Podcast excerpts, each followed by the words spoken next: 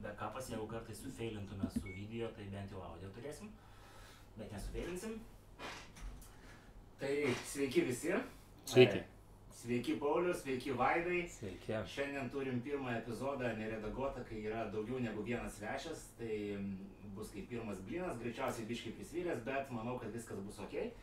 Ir kalbėsim tokia pakankamai jungiančia tema, netgi priešingų politinių partijų atstovus, kalbėsim apie krašto apsaugą.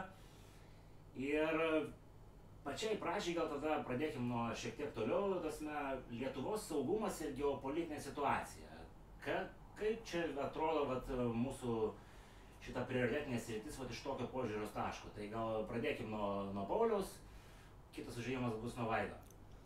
Na, Lietuvos geopolitinė situacija saugumo prasme, jinai nesikeičia daug amžių turbūt. Jinai yra sąlygota mūsų geografijos, apskritai visa geopolitika yra sąlygota geografijos, kur tu esi, e, kas yra tavo kaimynai, kokie, reiškia, geografiniai dariniai yra aplink tave, ten jūros kalnai ir panašiai. Tai Lietuva, na, nuo seno buvo tokia šiek tiek vėjų pagairė, mes tikrai nesame kur nors geram užkampį, kur, kur saugiam ir ramiam. Iš tikrųjų, e, gintis ir, ir kovoti už savo žemę mums teko nuolatos. Tai tą reikia tiesiog turėti omeny, kad lengva nebuvo ir nebus ko gero. Tai e, mes visada turim e, suvokti, kad šalia yra e, tikrai imperialistinių ambicijų turinti kaiminė, kuri, na, bet kokiai progai pasitaikius bando vis labiau dominuoti regione. Ir esam jau pabėgę, reiškia, prieš 30 metų iš to glėbio raudonojo, dabar turim žiūrėti, kad nenugarmėtume kažkur panašiai atgal tai ta situacija visada yra įtempta ir e, mes galime būti stiprus turbūt tik vieningi, tik e, bendradarbiaudami su kaimynais, ieškodami regione e, partnerių. Mūsų didžioji stiprybė šiuose dešimtmečiuose, reiškia, šiame jau moderniame pasaulyje Lietuvos naujo, amžiaus yra mūsų buvimas NATO. Tai yra esminė saugumo dedamoji kuri e, leidžia mums šiek tiek ramiau miegoti, negu jeigu būtų kita situacija. Tai manau, e, pagrindinės grėsmės, aišku, yra grėsmės iš rytų, pagrindinis saugumo garantas yra buvimas NATO ir aš manau, kad per 30 metų mes nuėjome nemažai, nemažą kelią, didindami savo saugumą. Apskritai, kalbant apie nacionalinį saugumą, turim nepamiršti visų lygių. Reiškia, laisvė e, turi būti visose, visose dimensijose. Mes turim būti laisvi ir, ir politiškai, turim būti ir, ir e, ekonomiškai, ir kultūriškai, ir energetiškai, ir visai kaip. Tai kai mes būsim e, laisvi ir nepriklausomi visai kaip, tada mes būsim tuo labiau saugus. Tai galbūt keletą va, tokių pradžiai išvalgų nenorėčiau užimti viso eterio. Gerai, tai lygiai taip pat Vaidui klausimas apie tą patį geopolitinę situaciją ir apie mūsų strateginius partnerius, matyt, JAF, NATO, ES ir Rusija yra tos pagrindinės dedamosios dalis. Kaip atrodo iš e, kitos politinio spektro pusės? Tai aš su dauguma sutikčiau, manau, tikrai reikia pripažinti, kad per 30 metų labai daug pažangos padarėme, kariuomenės juk neturėjome apskritai, kai buvome okupuoti ir dabar turime kariuomenę ir tikrai labai daug yra darbo ir prakaito ir kraujo įdėta į tą dalyką ir tikrai sveikinu. Uh, pažangą, kurią mes esame padarę, bet man atrodo, čia daugiau galbūt ne, ne iš partinės perspektyvos kalbėsiu, bet gyvenau Amerikoje 27 metus ir iš ten pasižiūrėjus į Europą, ta Lietuva tikrai matosi tam geopolitiniam kontekste ir, ir man atrodo, mes esame per daug atsipalaidavę. Taip, NATO yra labai svarbu, labai didelis pasiekimas, bet paskaičius bet kokį ten strateginių, ten tų think tankų uh, svarstymą apie tai, ar apginamos šiuo metu yra Baltijos valstybės, labai greitai paaiškėja, kad ne, kad jeigu būtų kažkoks tai judesys iš mūsų rytinio kaimyno, tai tada dėja, bet mes kol kas esame labai labai prastoj gynybinėje situacijoje. Ir aš, kas man keista sugrįžus į Lietuvą, tai kad žmonės kažkaip tai prie to yra visiškai pripratę, krašto apsauga yra toks nišinis, uh, uh, nišinė tema, kur tik tai nedaug žmonių į ją yra įsitraukę ir, ir, ir keista, kad a, visi žinome, kad šitos valstybės išlikimas yra visų mūsų reikalas, bet mes kažkaip taip psichologiškai tą atsakomybę esame perkelę ant NATO pečių ir įsivaizduojame, kad vis, visos problemos yra išspręstos. Tai man atrodo, va, ten, ten yra mūsų pagrindinė problema.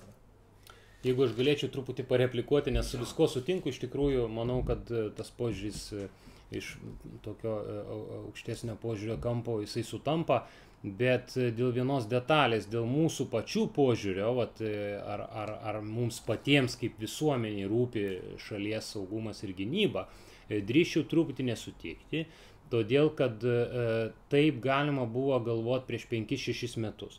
Man atrodo, po Ukrainos karo, kažkur po 14 metų, 15 pradėjo radikaliai keistis visuomenė sąmonė Lietuvoje. Visi atsitarsi atsibudo. Gruzijos dar neužteko, bet Ukrainos, man atrodo, jau užteko, kad žmonės suprastų ir, ir tai tiesiogiai atsispindi e, tokios organizacijos kaip Šauliai, čia mes gal ir, ir, ir vėliau plačiau panagrinėsim, nes manau, kad tai įvairiais e, pjūviais labai įdomus aspektas panagrinėti Šaulių sąjungos padėti veiklą ir taip toliau. Per tai daug kas atsispindi, atsiskleidžia.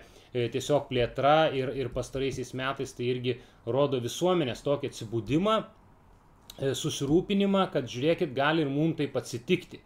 Ir, ir, ir galų gale mes ir tuos 2 procentus gynybai pasiekėm, ir kažkaip visuomenė, man atrodo, nuomonė pradėjo pozityviau žiūrėti į, į kariškus dalykus, kad to reikia, kad tai yra, na, mums, mums patiems turi rūpėti mūsų saugumas. Tai, man atrodo, pastaraisiais metais tas gerėja šitą situaciją. Prieš, prieš kokius, va, tai 5-6 metus aš manau, e, va, būčiau sutikęs su tuo, ką kolega pasakė, bet šiandien, man atrodo, situacija yra geresnė. Dar gal vėliau pakalbėsim apskritai, dabar pandeminis kontekstas ir visa kita, iš to irgi labai daug išvadų galima padaryti. Jo, tai da, prieš perinant dar tą konkretiką, dar norisi šiek tiek e, dar vieną žingsnį žengti atgal ir pakalbėti tokiu klausimu valstybingumo jausmo formavimas. Tai matyti yra pamatas krašto apsaugai ir nepaslaptis, kad e, nu, šitoje vietoje yra Lietuvoje tam tikrų niuansų. Tai pradėkime gal nuo to, kad yra apie tautą kalbėti yra, nėra priimtina, nes iš karto yra apkaltinama nacionalizmu. Tada mes turim socialinę atskirtį ir iš to nelabai gali solidarizuotis mūsų tauta. Plius turim demografinę situaciją. Nu ir aišku švietimas kuris neaišku ar ar čia padeda ar trukdo. Tai vat ką ką vaidas galvoja iš tokios perspektyvos žiūrint Problemų sprendimo aš tikrai nepasiūlysiu, bet čia problemos įvardintos teisingai. Kur yra tas žmogaus piliečio santykio su valstybe nesakyčiau nebuvimas, bet, bet man atrodo, mes žiūrime valstybę vartotojiškai. Man atrodo, tas išėjimas iš ubagystės sovietizmo, žmonės daugiausia yra linkę ten užsidirbti pinigų, nusipirkti automobilį, pasistatyti namą, kas yra viskas labai puiku, bet man atrodo, to įsitraukimo į valstybės statymą ir gynybą ir panašiai aš pasigendu šiek tiek galbūt ne, ne, ne, čia mano sugrįžus į Lietuvą ir pagyvenus metus laiko, aš, aš taip, taip tą matau. Dabar, kur yra sprendimas, ar tai yra švietimo sistemoje turbūt, ar tai yra santykyje tarp Lietuvos ginkluotųjų pajėgų ir visuomenės, aš nekritikuoju, aš tik sakau, turbūt ir ten, nes prisiminkime bent jau mano asmeninė patirtis, kai aš augau ten gimęs 75 metais, prieš pat nepriklausomybę, buvo ta sovietinė armija kaip didžiulė tokia grėsmė, kad jeigu man ten sukanka, aš jau neatsimenu, 18 metų, tai tada ne mane ten pagauna ir į Afganistaną iš, išveža. Ir man atrodo, bent jau mano kartai tas santykis su valstybės saugumu ir kariuomenė yra toks psichologiškai įtemptas būtent dėl to. Ir dabar manau, kad tai viskas keičiasi ir buvau neseniai čia baziniam šaulių kursė, Ruklo ir iš tiesų yra, aš sakau, šventų žmonių, pasišventusių žmonių, bet, bet tikrai tarp jaunimo yra labai daug tokių, kuriems tai rūpi. Bet man atrodo, kad tai visgi, vis dar yra nišinis dalykas, o kaip tą išplėsti kaip tą problemą išspręsti, čia tikrai reikės mums padirbėti ne tik po rinkimų, bet ir apskritai suvokti, kame yra problema mūsų visuomenės. Ir dar paskutinį dalyką pasakysiu, kur, kur ten buvau rūklo ir labai buvo strategiškai mūsų kambarį, kur miegojom padėta tokia knyga Vytauto Bulvičiaus generalinio štabo majoro iš 39 metų vadinasi karinės, karinės valstybės rengimas. Ir man toks taip akis atvėrė ta pirmas puslapis, kur 39 metais žmogus rašydamas jau žinojo, kad kažkas tai to Europoje yra negerai, jau tuoj karas ateina. Ir klausė, o kodėlgi ta Lietuvos visuomenė yra taip atšlyjusi nuo karybos. Ir, ir jo, jo teorija buvo, kad uh, skirtingai negu su estais ir latviais, kad mūsų katalikų kažkaip tai rusų kariuomenė į ten į aukštesnius rangus karininkijos neįsileisdavo. Tai mūsų visuomenė buvo maždaug kultūriniai, kultūros žmonės ir, ir verslo žmonės, o tos, kaip jisai sako, valstybė stovi ant trijų kojų, tai yra ekonomika, kultūra ir ginkluotusios pajėgos. Ir man kažkaip tai atrodo, kad čia yra toks gilesnis, ilgesnis kultūrinis paveldas iš galbūt iš tos Rusijos, kad mes kažkada tai tikrai buvome kariškai labai sėkminga valstybė, prisiminkime ten visokius Saulės, Žalgirio mūšius ir panašiai, bet tai yra nunykę. Ir kada tai nunyko, kodėl tai nunyko ir kaip tą atgauti, nes aš žiūrėdamas, prisimindamas sąjūdį irgi taip pat jaučiuosi, kad ten irgi buvo labai daug kultūros, labai, labai dabar visi norime būti turtingi ir verslų užsiimti, bet tas susidomėjimas karyba ir krašto apsauga, man atrodo, yra nunykęs. Tai tas pats klausimas apie valstybingumo jausmą ir Paulių. Aš labai nežinau, kokios apvaizdos dėka čia toks sutapimas, bet kaip tik vakar e, e, garaže tvarkydamas knygų archyvą savo radau tą knygą, apie kurią kalbat, irgi perveršiu, reiškia pasidėjau lentyną. Tai iš tikrųjų tais pačiais keliais vaikšto matosi. E, pirmas dalykas, teko prieš kokius, gal nežinau, dabar jau turbūt dešimt metų kalbėti su Lietuvos karininkais ir, ir, ir kaip, kaip šauliui vėliau, reiškia, teko įvairius kursus klausyti. Ir dažnai praskambėdama tokia frazė, kad e, ginklų mes turėsim arba mums duos, jeigu kažkas bus.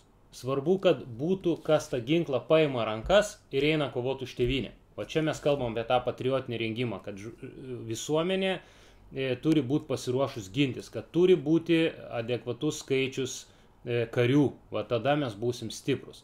Tai vat nuo to viskas turbūt ir prasideda.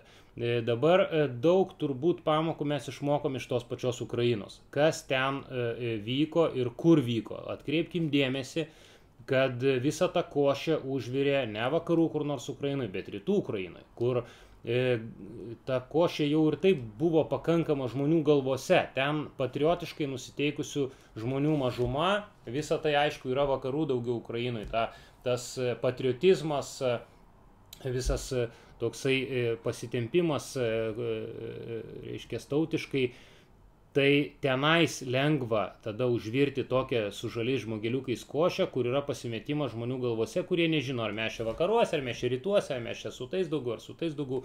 Tai vat, todėl patriotizmas bendraja prasme yra labai svarbi dimensija, kad e, mes žinotume, kas mes, kur mes, kur mūsų sienos, ką mes turim ginti. E, toliau vėlgi, ko, nuo ko mes turėtume gintis. Tai e, turbūt Lietuvai, kalbant apie va tokią gynybą ir grėsmės, ir ko, mums, ko mes norim iš savo kariuomenės ir, ir, ir reiškės, tai turbūt nesame ta valstybė, kuri kur nors toli nuo savo sienų rūpintųsi, reiškia, kitų saugumu, ar pati įsiveltų į kokius konfliktus, ar ne, tai gal mums ten lėktuvnešių nereikia, ar gal, gal daug tų tankų nereikia, bet e, mes turim galvoti apie tai, kad pas mus neįsiverštų ir nepradėtų daryti tvarkos šianais pas mus. Mes turim tiesiog galvoti apie gynybą, kaip mes patys ginsimės. Ir čia pasidaro labai e, svarbi dimensija visos visuomenės pasirengimas gintis. Tai, kas vyksta Ukrainoje. Karas e, atneša e, daug problemų ir, ir, ir ne tik toj fronto linijoje, bet ir apskritai tada valstybei suirutė. Ir mes, vat, kaip aš pilnai pritarčiau, visa valstybė turi būti darni. Visos visuomenės grupės, valstybinės institucijos, ne tik kariuomenė, turi būti pasirengusi kartu veikti e, esant dienai X kažkokiai suirūtiai, kažkokiam chaosui.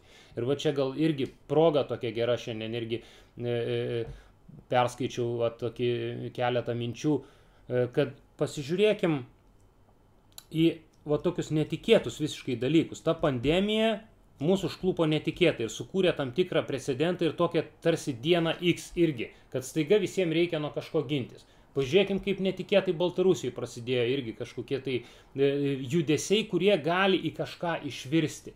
E, vėlgi, e, tas pats klimato atšilimas, reiškia, tu nežinai, kas, kas po dešimt metų darysis pasaulio, Europai, dėl ko žmonėms skaudės galvas ir panašiai. Ir, ir tu sudedi daug tų kintamųjų, pamatai, kad kažkokiam chaosui prasidėjus gali kažkam parūpėti ir, ir, ir pasiūs žalių žmogeliukų pas mus ir tada tu turi su visu tuo kažkaip chaosu tvarkytis. Tai man atrodo, vienintelis geras dalykas, kurį mums atnešė pandemija, yra tam tikri mokymai. Tam, tikri, tam tikras išsibandymas, tam, tikri, tam tikras e, pratybos, realios pratybos realiame gyvenime, kaip veikia mūsų valstybės institucijos, kaip veikia ta pati krašto apsauga, kaip veikia savanoriai, kaip veikia šauliai, kaip veikia visa visuomenė. Ar mes esame pasiryžę E, tvarkyti su kažkokiu tai chaosu, kuris mūsų užgriūna. Ir čia aš manau, kad mes galim labai daug gerų pamokų pasi, pasidaryti, e, išmokti. Manau, kad e, gerai pasirodė visuomenė, susitelkėme, iš tikrųjų daug atsirado savanorystės, daug žmonių, kurie pasirodo rūpinasi ne tik savim, bet ir kitų, telkė pinigus, aukojo, dirbo savanorišką tą darbą. Ir, ir va čia, man atrodo, nu, leidžia pozityviai mąstyti ir, ir, ir, ir, ir turėti optimizmo, o kas bus, jeigu bus kažkokia diena X, kad nu, gal susitelksim vis dėlto. Gal kokia replika iš Vaido? Tai aš norėčiau irgi tiek daug optimizmo turėti, aš sugrįšiu prie minties prieš tai gerbiamas kolega kalbėjo apie Šaulių sąjungą, aš irgi esu narys. Ir kiek prisimenu, dabar skaičių gal, gal aš neteisingai prisiminsiu, bet dabar Šaulių sąjungoje yra apie 12 tūkstančių narių, pusė jų yra jaunieji šauliai.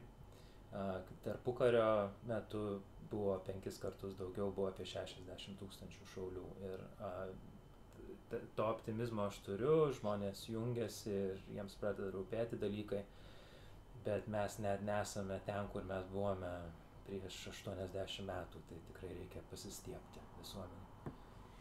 Jo, tai dar tada prieš perinant į konkrečius tos krašto apsaugos sistemos dalykus, e, dar toks yra mitas gajus Lietuvoje, kuris vadinasi arba arba. Tai kai mes skiriam 2 procentus ar kažkiek procentų krašto apsaugai, visai atsiranda balsų, kad mes iš kažko tuos procentus atimam kas čia per fenomenas ir, ir, ir kaip vat, strategiškai pasižiūrėti vat, į, į šitą reikalą, įskirstimą ir, ir, ir, ir prioritetus. Gal nuo Vaido pradėsiu.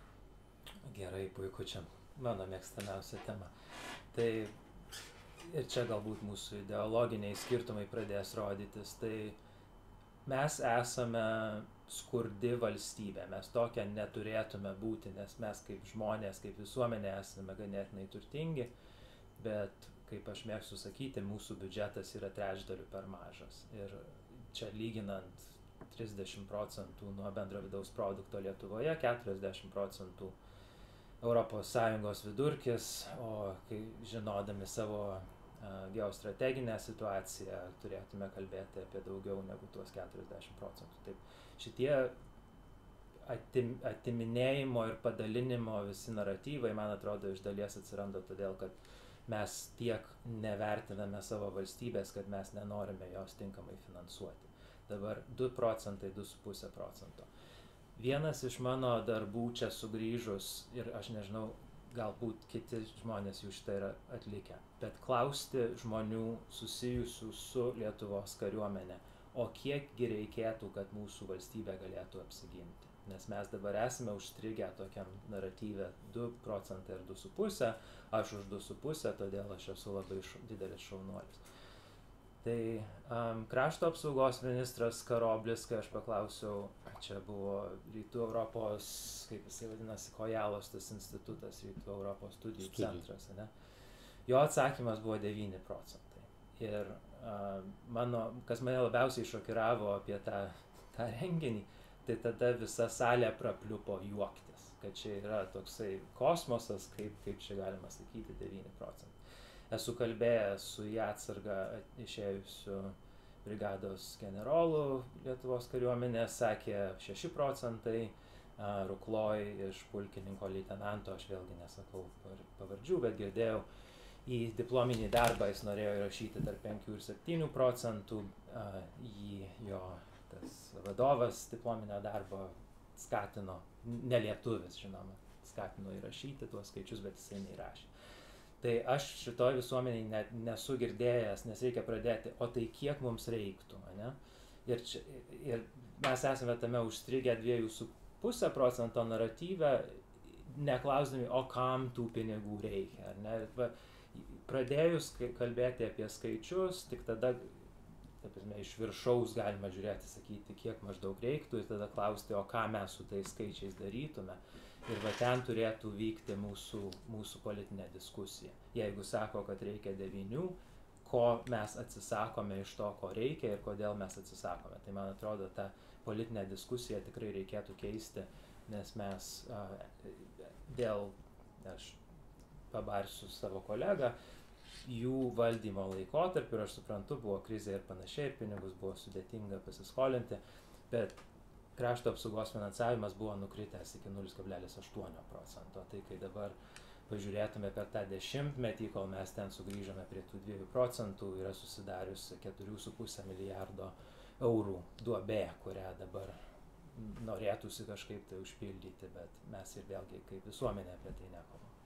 Jo, tai čia prieš dar perdant žodį Pauliui noriu tokį porą faktų pasakyti. E, besiruošiant epizodui, e, teko peržiūrėti tam tikrą medžiagą ir tarpu kariu finansavimas krašto apsaugai buvo dešimtimis procentų. Pasime, aš tą skaičių, kurį išgirdau, buvo 40, man jis sunkiai telpa į galvą, bet čia toks įdomus faktas. Tai Pauliu, kaip Jūs galvojate? Ja, tai... arba, arba, arba naratyvas ir, ir 2 procentai ir kaip čia yra? Ne, tai 2 procentai čia kaip tam tikras atspirties taškas yra NATO normatyvai, tai dėl to matyti ir sukasi kalba apie tai. O, o dabar aš kolegai atgal pareplikuosiu, kad turbūt didžiausias smūgis na, gynybos finansavimo naratyvų ir 2 procentų visa kita buvo socialdemokratų valdymo laikais ir jo Zoliko auksinių šaukštų ten ir šakučių pirkimo skandalai ir visa kita. Tai vad, kai duodi pinigų ir kur jie yra išleidžiami, tai vad tada buvo turbūt suduoti stipriausi smūgiai. Tai o, o, o aš visiškai sutikčiau, kad mes neturėtume apsiriboti e, e, skaičiais, procentais, mes turėtume galvoti, ko mums reikia. Taip, bet e, mes gyvename realybėje ir, ir, ir, ir žmonės E, gyvena pagal tą biudžetą, kurį turi arba kurį prognozuoja, lygiai taip pat kariuomenė, jinai žino, kad va, nu, ateinančius ten 10 metų biudžetai bus tokie ir tokie ir bandom visom išgalėm už tuos pinigus na, įsigyti reikiamos ginkluotės, kokią gali, nes reikėtų jos, aišku, daug, daug geresnės, daug daugiau ir panašiai. Tarkim, ta pati e, e priešlėktuvinė oro gynybos sistema, na, kuri, kuri dar, dar, manau, Lietuvoje nėra nėra adekvati atremti galimus, galimus smūgius. Nu gerai, mes dabar perkam vilkus, perkam pėstininkų kovos mašinas, ten netoli ne, ne šimto jų įsigysim ga, e, galutiniam e, variante kitais metais turėsim. Tai tikrai, na, džiugu, kad mes turim tokią techniką, bet mes ir, ir perkam ją orientuodamiesi į, į realų biudžetą. Jeigu e, tas biudžetas būtų na, dvigubai, trigubai didesnis, aš manau, mes galėtume kalbėti ir į kitokio,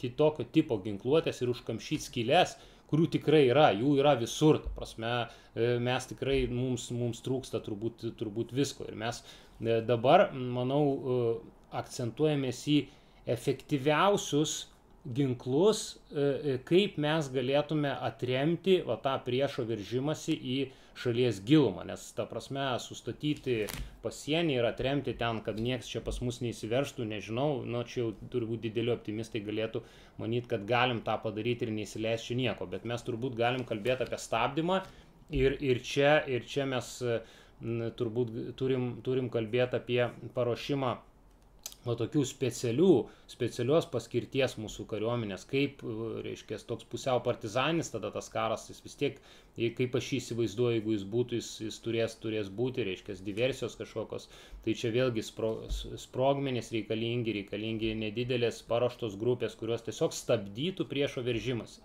Nes aš nežinau, ar mes esam šiandien pajėgus tiesiog konvencinę ataką fronto liniją ir atremti viską, kas ant mūsų eina. Nu, turbūt sunkiai, nes priešas ten turi šimtus kartų daugiau tų, to, tos technikos ir, ir, ir viso ko. Tai mes turim kalbėti apie stabdymą, maksimalų stabdymą, priešo trukdymą jam visais būdais ir, ir laikymasi tada visos valstybės nesugriuvusios kaip tokios. Nes nu, mes turim pavyzdžių, aš vėl grįžtu Ukrainai. Kas vyksta Ukrainai?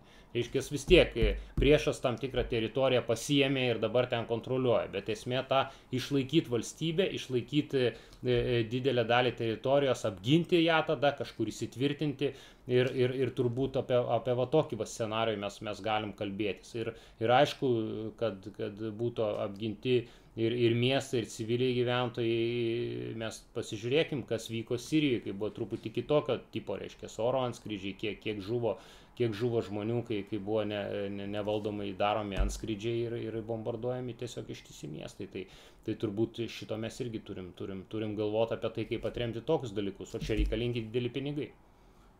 Gal kokią repliką dar?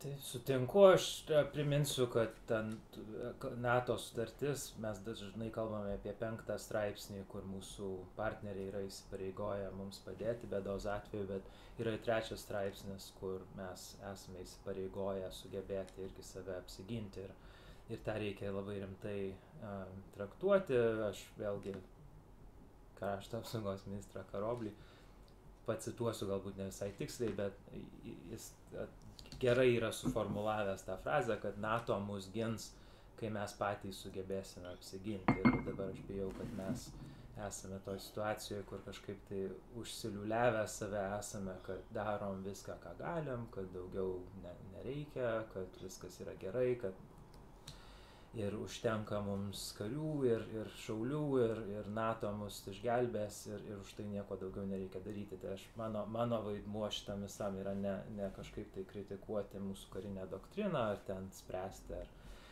pakankamai esame apginti ar ne, bet būtent tą sukurti tokį jausmą, kad reikia į šitą dalyką rimtai įsigilinti, reikia girdėti iš žmonių, iš kurių aš negirdžiu. Ta prasme, aš norėčiau, kad ne mes čia kalbėtume, ar, ar, ar pakanka to, ko turime kažkokiai tai viena iš gynybos formų, bet aš norėčiau daugiau girdėti iš profesionalų toj srity, kurių mes tikrai turime. Ir kaip visuomenė mes turim sudaryti sąlygas, kad tie žmonės būtų išgirsti, kad žmonės norėtų girdėti apie šitus dalykus ir, ir tik tada mes tą pastumsime naratyvą nuo, nuo tuščių ginčių apie 2 procentus arba 2,5 ir suprasime, ko iš tikrųjų mums reikia. Bet čia iš tikrųjų gal keista, nekeista, nežinau, bet e, sutampa mūsų, mūsų požiūrį, ta prasme, kad aš irgi viską, ką bandžiau atsakyti, labai atsargiai, rezervuotai e, bandau kalbėti apie iki NATO. Aiškis, aš kalbu apie tai, ką mes turim patys daryti vat, ir ko, ko mums patiems reikia. O, o, o tas, tas galvojimas, kad NATO mus ateis ir, ir, ir apgins, yra visada paliekamas minty ir, ir, ir jau kaip paskutinis mūsų šansas tik tai, tik tai traukiamas. Man atrodo, kad ir, ir, ir Lietuvos kariuomenė, ir, ir, ir krašto apsaugos vadovai irgi taip mastų ir aš irgi esu persisėmęs tuo mąstymu, kad nu negalvot apie tai, kad už tave kažkas padarys. Tu turi galvoti apie tai, apie savo namų darbus, ką tu padarysi maksimaliai, jo tą laikyti NATO, reiškia, penktas straipsnis, tik tai kaip minty, kaip, kaip tavo nu, kažkokia tai reiškia ramesnio miego, tik tai, tik tai sąlyga, o iš tikrųjų turim galvoti apie patį save, ką mes padarysim. Tai va čia kaip ir prieinam prie to tokio klausimo, kad e, visuomenė trūksta viešos diskusijos apie kariuomenės poreikius, struktūrą, rengimą. Kodėl e, tas mes šitie dalykai yra nustumti į paribius?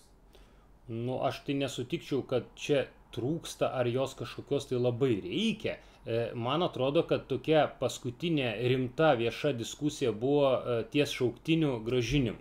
Bet ten tikrai visuomenė staiga sunerimo, pradėjo visiems darytis įdomu ir, žinot, buvo ten šauktiniai, verktiniai, ten atsirado tokia kategorija, kurie ten nenori ten eiti ir panašiai. Ir, ir, ir visuomeniai tas prasisuko. Ir man atrodo, va čia vėlgi e, noriu visur išvelgti pozityvo ir ten aš išvelgiau nemažai pozityvo, kad ir žiniasklaida, ir visuomenė vis dėlto tas naratyvas susiformavo pro, e, pro gynybinis, e, pro karinis kad nebijokim, neverkšlenkim, neverkim, reikia to, reikia ir, ir, ir vat mes po apytiksliai po 3,5 tenais vidutiniškai tūkstančio surenkam kiekvienais metais Tai reiškia, kad po tiek mes papildom, ne šiai dienai, bet mes papildom visam laikui savo rezervą kuris bus paruoštas ir kuris reikalui esant galės būti pakviestas, pakeltas. Tai čia, čia tuo galima tik tai pasidžiaugti. Tai va tokia vis, prasisuko diskusija. Ir aš čia grįždamas truputėlį prie vieno iš pirmųjų klausimų dėl to patriotinio rengimo, aš sakyčiau irgi e, tam, tikras, e, tam tikra diagnozė pasirodė mūsų visuomenės pozityvi E, ties įvairiais e, aspektais buvo vat, užpultas Adolfas Ramanauskas Vanagas, reiškia, iš Vanagaitės pusės ten apš, apšmeištas ir panašiai. Ir kokia buvo visuomenės reakcija? Aš sakyčiau, jin buvo pozityvi, nes pasirodė alerginė reakcija vat, į tą tokią va, vatinę propagandą priešo, reiškia, kad visus apšmeiskite, su, suniekint mūsų partizanus ir su kokiom, reiškia, iškilmė mes perlaidojom. Staiga ir Vanago palaikai buvo surasti, ten yra knygos, atsirado filmai, visa kita. Ir mes e, perlaidojom tiesiog iš, į gatves išėjo ten tūkstančiai žmonių, kaip, kaip panašiai popiežių pasitinka. Tai, tai tikrai parodė, kad visuomeniai rūpi visuomenė galvoja apie tai ir, ir, ir nėra, nėra tai blogai, kai reikia. Bet pažiūrėkit ir, ir vakar įvykęs renginys Laisvės kelias, nu susirinkom, nu atstovėjom. Staiga vat, mes irgi kaip šauliai dalyvavom organizaciniai toj grupėje, koordinavom viską, tai sakyčiau, su minimaliom pastangom ir minimalia koordinacija renginys iš esmės labai greitai buvo suorganizuotas ir, ir, ir pakankamai sėkmingai, sakyčiau, visuomenės dėka visuomenė, savanoriai, šauliai, va tas atsiranda dimensija, kad savanorystė, e, e, kažkaip jau supratimas, ką reikia visiems kartu daryti, nebėra to pasimetimo. Tai va aš tikiu, kad tie ženklai, va kaip ir per, per pandemiją, jau atsiranda, kad kažkas imasi iniciatyvos, kažkas koordinuoja, atsiranda tokia, na, savanorystės kultūra ir tokių visuomeninių reiškinių koordinavimosi kultūra. Tai man leidžia manyti, kad esant grėsmiai ir kažkur kažkam nesuveikus arba suveikus valstybės aparatui, bet patys žmonės jau imsis iniciatyvos ir jau mes kažką galėsim daryti. Vaidai, ką, ką pats galvojate apie tą viešą diskusiją, ar jinai yra pakankama dėl, dėl kariuomenės poreikių, struktūros, rengimo ir panašiai? nepakankama visiškai ir vėlgi kalbėjom, iš kur tai galėtų ateiti, ar čia dėl, dėl Rusijos imperijos, kad nebuvo karininkų luomo Lietuvoje, ar čia kažkas kita, ar čia ta vartotojiška visuomenė, kur jai atrodo, kad laimę suras automobilyje arba name prie Vilniaus, o ne, ta prasme, ką, kokia gyvenimo prasme ir panašiai. Tai aš manau, kad ne, atsiliekame.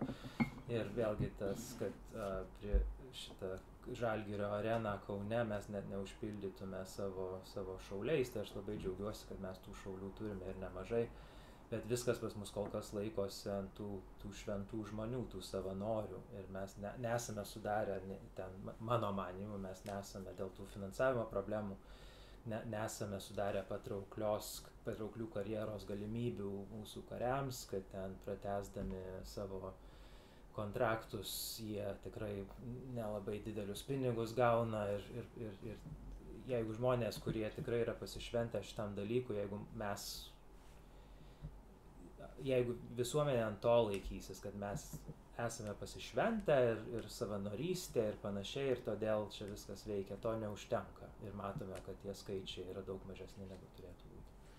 Čia kaip tik labai siejasi su kitu mano klausimu, kariuomenė kaip patrauklus darbdavys, kad nuo karo akademijos iki veteranų organizacijų ir integracijos po tarnybos. Ar čia Lietuvoje yra viskas normaliai, Pauliau, jūsų požiūriu?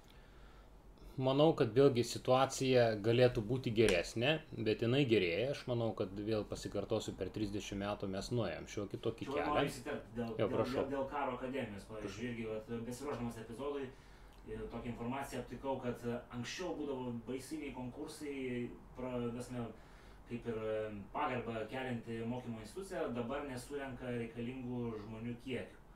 Prasme, tai ar tikrai viskas taip, taip gerai su, su, su, su ta karininko pasai, nu, įvaizdžiu? čia gal sakyčiau reiktų matyt bendrą kontekstą apskritai anksčiau bet koks universitetinis išsilavinimas jis gal sulaukdavo daugiau dėmesio ir daugiau tų konkursų ir žmonės visi turėjo turėt vieną ar kitą diplomą jeigu neįstoja ten tai stoja ten. Gal gal tas aspektas kitas aspektas turim turėt didelę emigracijos čia vat bangą pastarųjų metų kur daug jaunimo tiesiog na dingo iš lietuvos Dabar, aišku, pasirodo vėl, per, per, kai reikia pasimti tos 200 bedarbystės, reiškia, pašalpa čia irgi dabar tam tikri reiškiniai vėl keičiasi. Taip kad ta statistika Lietuvoje, kaip, kadangi esame maža valstybė, e, tie rodikliai gali kartais ir, ir ne visai tiksliai informaciją atskleisti.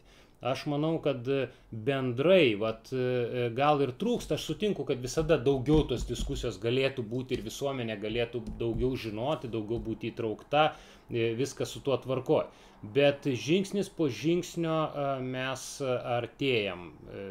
Vienas dalykas keičiasi ir mūsų karininkai. Mes nu, vėlgi kariuomenę statėm e, nu, ne nuo nulio, bet nuo, nuo labai tokio išskrečio, reiškia, surinktų dalykų. E, daug buvo ir vėlgi sovietinių, e, kurie, karininkai buvo praėję tas, tą, tą patirtį turėjo dabar atsiranda vėlgi naujų šviesių Lietuvoje jau užaugusių išėjusių mokslus tiek Lietuvoje, tiek užsienį stažavusius misijose dalyvavę kariai, e, karininkai, kurie jau turi tą vakarietišką mąstymą, turi formuojasi kita kultūra ir tai daro kariuomenę visiškai patrauklę. Man vėlgi kaip koviniam šauliui tenka bendradarbiauti ir, ir dalyvauti kartu su krašto apsaugos savanorių pajėgom, kur vėlgi e, vadovauja tie patys mūsų kariuomenės karininkai ir aš matau tikrai labai daug šviesių žmonių, įdomių, kurie, kurie sugeba jau tuos e, karius, vėlgi e, Kaspas, aišku, tai yra vėl savanorystė, sakysi, čia tie savanoriai. Bet, bet tai irgi parodo, tai irgi yra veidrodis mūsų, kas, kas vyksta ir su profesionalia e, tarnyba. Aš manau, kad turim turėti profesionalų tam tikrą skaičių, jie turi būti tas smaigalys, bet vėlgi didelę tą visą masę turi sudaryti rezervas, turi sudaryti savanoriai, šauliai, e, e, e, šauktiniai ir, ir visa kita. Profesionalai yra tik tas, tas smaigalys pagrindinis, tai mes turim jų turėti tiek, kiek jų reikia, nei per mažai, nei per daug. Vaidai, ką, ką pats galvojate apie kariuomenės kaip patrauklaus darbdavio situaciją ir tos visus procesus nuo karjeros pradėjimo iki karjeros baigimo? Tai turime pasiekti, kad būtų patraukli, pat, patraukli profesija. Aš kiek, kiek girdėjęs, aš ne tiek daug kaip Paulius girdėjęs apie šitus dalykus, bet kur buvau Rukloj, tai aš girdžiu šiek tiek, ta, ta prasme, žmonės tai iš tiesų nori turėti gerą gyvenimą, jeigu jie pasirenka tą profesiją ir aš nežinau, ar mes tą kol kas esame jiems suteikę,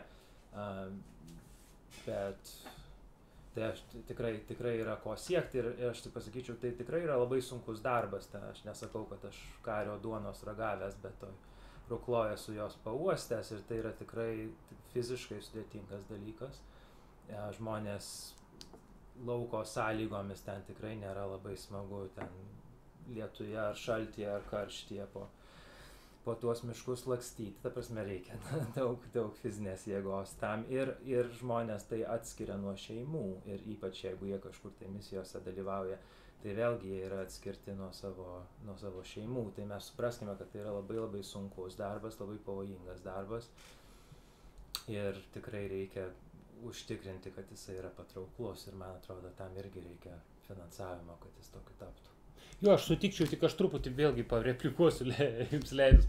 E, visur, kur galima taip mąstyti, kad duokim pinigų, ateis žmonės tada, ne, bet kur kitur. Bet lygiai taip žinokit, ir moksle, ir kariuomeniai, turi būti pašaukimas, turi būti tam tikros žmogaus savybės ir turi būti tas savanoriškas entuzijazmas. Kiek aš pažįstu, va, aš kalbu apie tos žmonės, karius, kuriuos aš tikrai statyčiau kaip pavyzdžius, ar ne, kurie man vat, patinka, aš matau, kad jie yra entuziastai, jie daug daro, jie patys įkvėpia kitus karius, bet jie tokie yra iš savęs. Ir be jų vis tiek nieko nebus. Tokių ta, tas turi būti, ta ugnelė, ta savanorystė ir jie, ir jie ten bet kokiam sąlygom tą darys. Bet suprantama, jie turi gauti garantijas, turi būti finansavimas, turi būti atlyginimai, tai tas, tas viskas turi eiti šalia. Bet be to entuzijazmo, be to, bet kokioj srity to nebus. Tai man atrodo, tą, tą branduliuką, branduliuką mes turim, o plėsti reikia, reikia uh, gerinti kokybę, reikia, žinoma, socialinės garantijas žmonėms, kurie tikrai, tikrai vargsta, tikrai, tikrai yra yra tas ta duona yra pelnoma labai sudėtingai, tai tikrai ir, ir be to ir pavojingai, ypač tie kariai, kurie dalyvauja misijose, tai, tai, tai, tai tikrai didžiausia pagarba ir nu, turim jiems, jiems už tai atlyginti, ramai, žinoma. Čia aišku, šitoj temai būtų galima įsiplėsti apie algas, gyvenimo sąlygas, visokius būtpinigius, nesu veikla susijusias pajamas, bet gal ne apie tai šita laida, čia neužtektų matyti kelių valandų. Jeigu mes į šitą teisime, dar vienas toks aspektas, kurį man pasufleravo vienas, sakykime taip, dešinysis influenceris, e, tai yra piliečiai ir ginklai. Ir ar visuomenė neturėtų būti natūralia baze šauliams ir kariniams savanoriams. Čia mintis yra ta, kad Lietuvoje yra pakankamai sumautos ginklų įsigijimo sąlygos ir, ir, ir žmonės, kurie yra entuziastai, yra priversti eiti tam tikrus kryžiaus kelius. Ir e, profesionalai, pavyzdžiui, nu, pusiau profesionalai kaip šauliai, negali turėti kovinių ginklų namuose ir panašiai. Ką vat, galvojate apie tą visuomenės ginklavimąsi? Ar tai yra dalykas, nes tai yra... Mm pateikiama dažniausiai kaip kažkoks amerikoniškas, rednekiškas dalykas, bet Taip. ar, ar čia yra problemų? E, sutinku, kad galėtų būti geriau, e, bet mes irgi nuėjom tam tikrą kelią. Aš pasakysiu, kad čia irgi e, praeitos kadencijos turbūt Seime, ar šios dar ne, nebeatsimenu, e, pradžioj mes priemėm įstatymą, kad šauliai gali turėti seifuose namie ginklus ne A kategorijos, bet pusiau automatinius e, e, įsigyti. Atsirado nauja savoka kaip ginklas šaulio tarnybai. Bet va čia noriu jis... įsiterpti. Prašau. Ar jeigu mes šauliui leidžiam tik kažkokią tas žmogui, kuris yra praėjęs parengimą tik tai pusiau.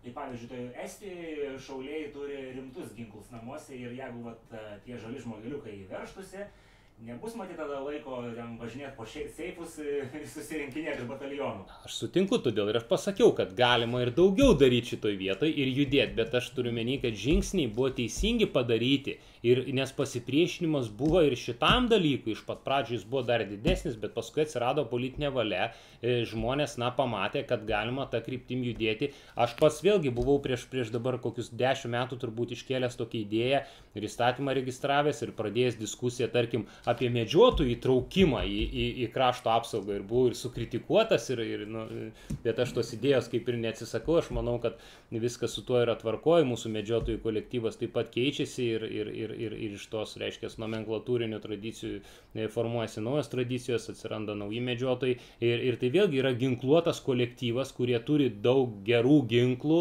įvairios įrangos, orientuojasi miškuose, žino tą dalyką ir juos irgi reikia traukti, bet mes tarsi sutarėm po ilgų diskusijų, kad tas turėtų būti vėl per Šaulių sąjungą. Ir tas vyksta. Prasme, tas procesas vyksta, atsiranda netgi sutartys bendradarbiavimo tarp medžiotojų ten burelių ir, ir Šaulių sąjungos padalinių atsiranda. Tai e, supratimas, kad jeigu tu nori vat, būti visuomenės narys, tarsi ne karys, e, bet e, vat, turėti ginklus ir, ir būti tas potencialus e, žmogus, kuris gins tėvynę, tą daryti per Šaulių sąjungą. Ir aš manau, kad vat, vėlgi minėjot skaičius, taip, 11 ten su, su, su, su centais ten tų, tų šaulių tūkstančių mes turime. Bet e, ką per, per, per suvažiavimą jau savo baigiamoji kalboje mūsų vadas pateikė analizę, kad kokybė tų narių yra daug didesnė, todėl kad mes e, e, daug ir buvo pašalinta neaktyvių, nemokančių mokesčių ir tik tai sąrašinių ir nepaisant to vis tiek yra prieaugis ir ne, ne jaunųjų šaulių sąskaita, bet būtent tų vyresnių. Reiškia, mes išsigryninom tas, tas 11, ten, ar tai netoli 12 tūkstančių yra jau, jau tikresni, jau aktyvesni tas, tas, tas šaulių e, potencialas. Ir aš manau, kad reikia plėsti.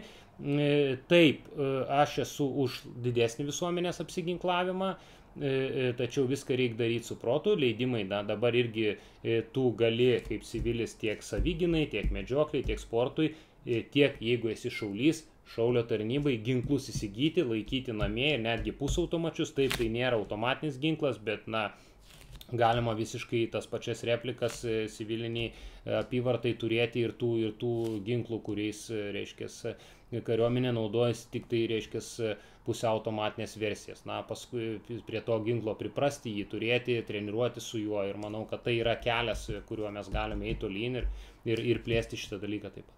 Vaidai, jūs kaip Amerikoje praleidęs 30 mečius, kaip jums atrodo šitas ginklavimos reikalas Lietuvoje? Man labai patinka tas ginklavimo reikalas.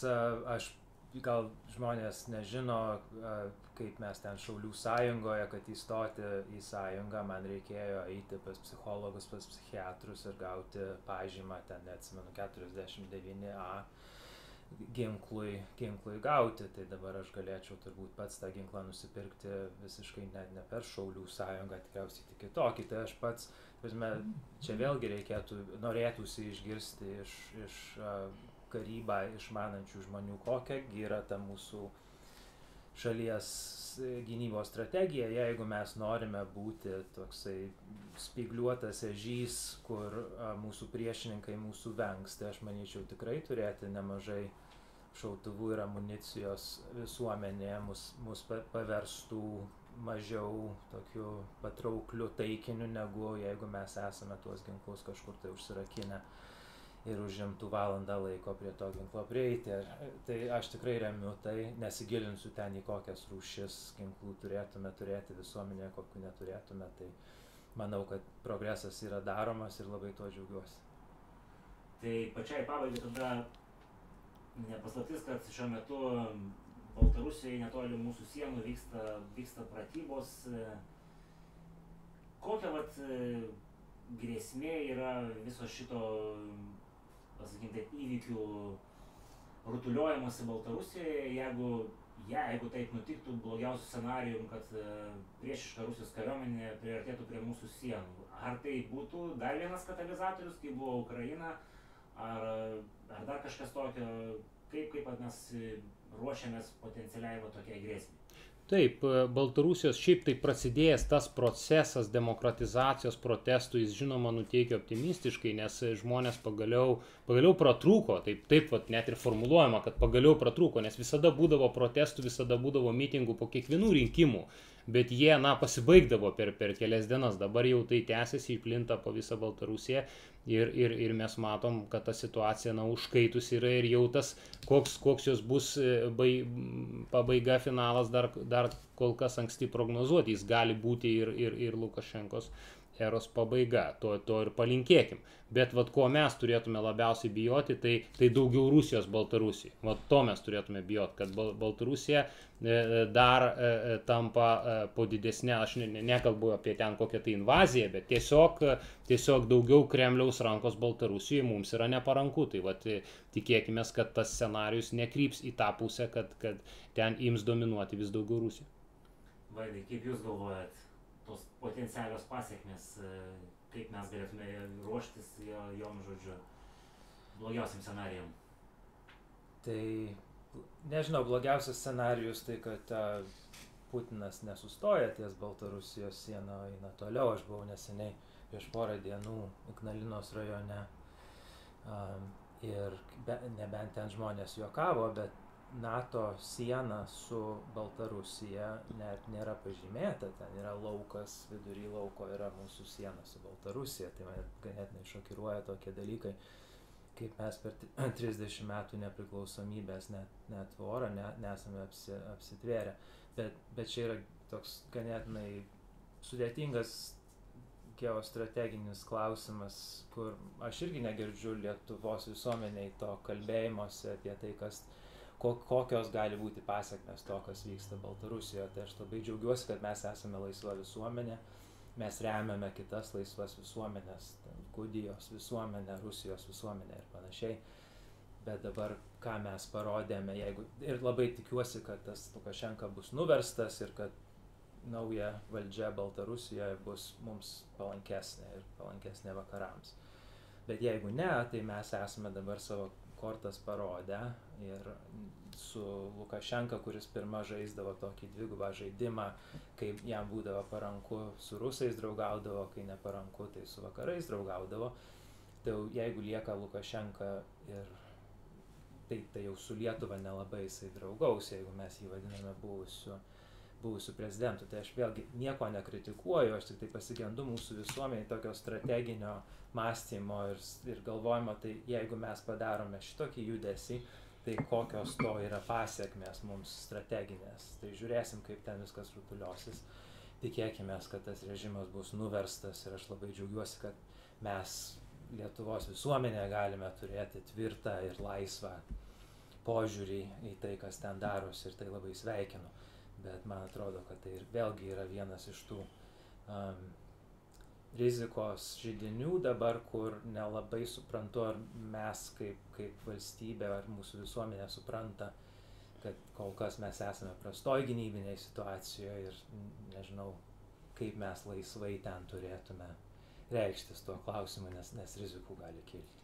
Čia galbūt e, Pauliui dar pabaigai tada adresuosim klausimą, nes visi arčiau, arčiau žodžiu, e, politinių institucijų yra tasme tam tikrų feisbuke tasme grupių kur žmonės e, pavienių asmenų kurie kalba apie tai kad e, galbūt čia bus e, akmuo po kaklu ir tasme kad gerom intencijom yra kelias grįžtas į pragarą.